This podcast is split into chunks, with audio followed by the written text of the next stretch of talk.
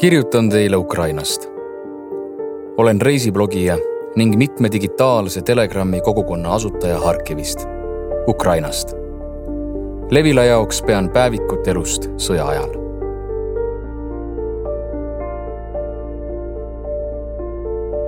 mõni hetk enne okupatsiooni. Herson.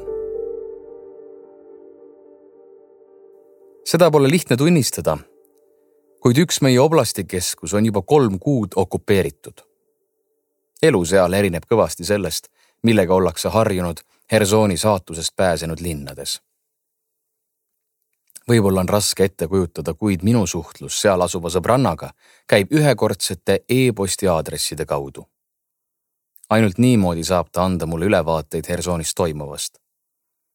mis tahes sõnumirakenduste kasutamine on lihtsalt ohtlik Telefone kontrollitakse tänavatel päris sageli, kästakse kirjavahetusi näidata.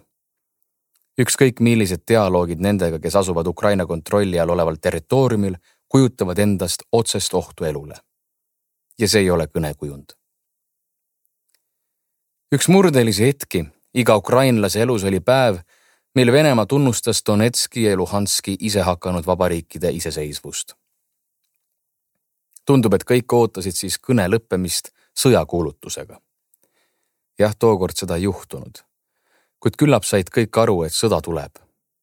selgusetu oli vaid, kui suurelt see ette võetakse. erinevalt minust, Katja, mu sõbratar Hersonis, ööl vastu kahekümne neljandat veebruari ei maganud. ta luges terve öö Twitterit, sest sinna ilmuvad uudised üsna kiiresti hommikul pärast kella nelja hakkasid tulema esimesed säutsud, et on puhkenud sõda täiesti ebaloogiline, kuid plahvatusi kuuldes lähed sa paratamatult akna juurde vaatama, kas ei tule uusi plahvatusi. Katja sööstis oma kümme korda akna juurde ja kuulatas plahvatusi. mingil hetkel ei suutnud ta isegi uskuda, et see toimub päriselt ning avas akna. ja mida selgemini plahvatused kostsid, mida lähemal mürsud lendasid, seda selgemaks sai tõde, et Hersonisse on tulnud sõda ja siis kuulis Katja sireeni. sireeni, mida tavaliselt käivitati kord aastas süsteemi kontrollimiseks. Need olid olnud õppehäired ja linnameedia hoiatas siis juba ette. ärge ehmuge, täna kontrollitakse õhuhäiresüsteemi korrasolekut. nagu praktika näitab, siis algul ei taipa sa üldse, mida tuleb sireeni käivitudes teha. just sellepärast, et need häired olid alati olnud vaid prooviks, harjutamiseks kes oleks toona arvanud, et hoiatussüsteemi tuleb ühel päeval hakata kasutama otseselt selleks, milleks see mõeldud oli. esimesel hetkel puudub arusaam, mida teha. Katja tormas vanemaid üles ajama. Katja esimeseks mälestuseks sõja algusest sai see, kuidas ta äratas ema sõnadega ema, ema, tõuse üles, sõda algas. ema ehmus hirmsasti, sest Katja vappusega suutnud normaalselt rääkida ema püüdis teda rahustada ja arvas, et Katja nägi lihtsalt koledat und. Ema ütles talle, rahune, sa nägid halba und, ei ole mingit sõda. sõjale eelnenud kuu olid ukrainlased veetnud emotsionaalsel kiigel. paljud maailma meediakanalid väitsid, et sõda puhkeb ööl vastu kuueteistkümnendat veebruari. kui seda ei juhtunud, tundsid paljud kergendust, kuid närvid olid ikkagi pingul. tunne, et sõda on vältimatu muutus kõigile aksioomiks. Kuid millal see algab ja mis ulatuses, sellest võis vähestel aimu olla. arvan, et paljud magasid tol ajal halvasti, sellepärast arvas ka Katja ema, et see oli pelgalt õudusunenägu. paraku mitte. see oli tegelikkus. Katja ema mõistis seda, kui läks akna juurde ja kuulis ka ise plahvatusi nagu arvatavasti kõik Ukrainas noil päevil ei suutnud Katja magada. Jälgis kõiki uudiseid ja kartis maha magada järgmist õhurünnakust teada andvat sireeni.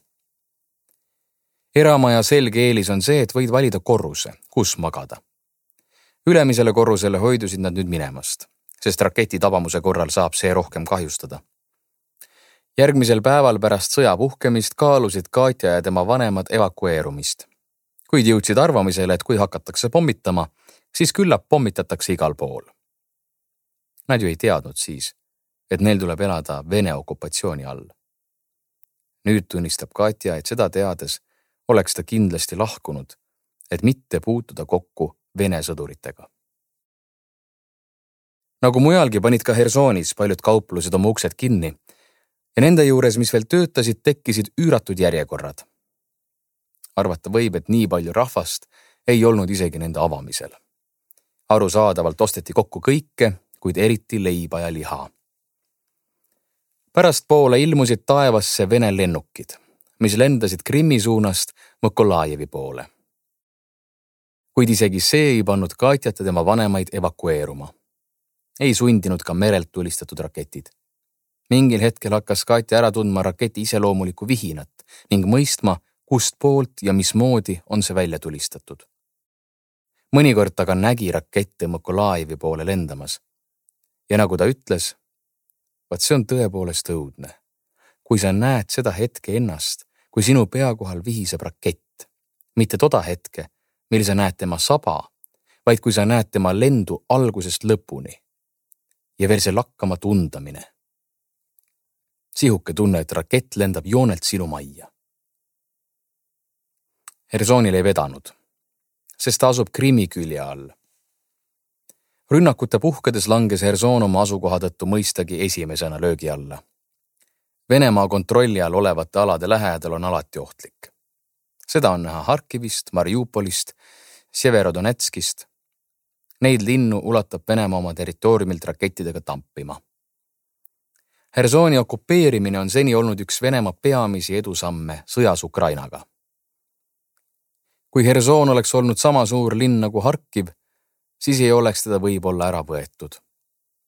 kuid on fakt, et kaks nädalat pärast sõja algust nägi Katja oma kodulinnas esimesi Vene sõjaväelasi ja mõistis, et linn on okupeeritud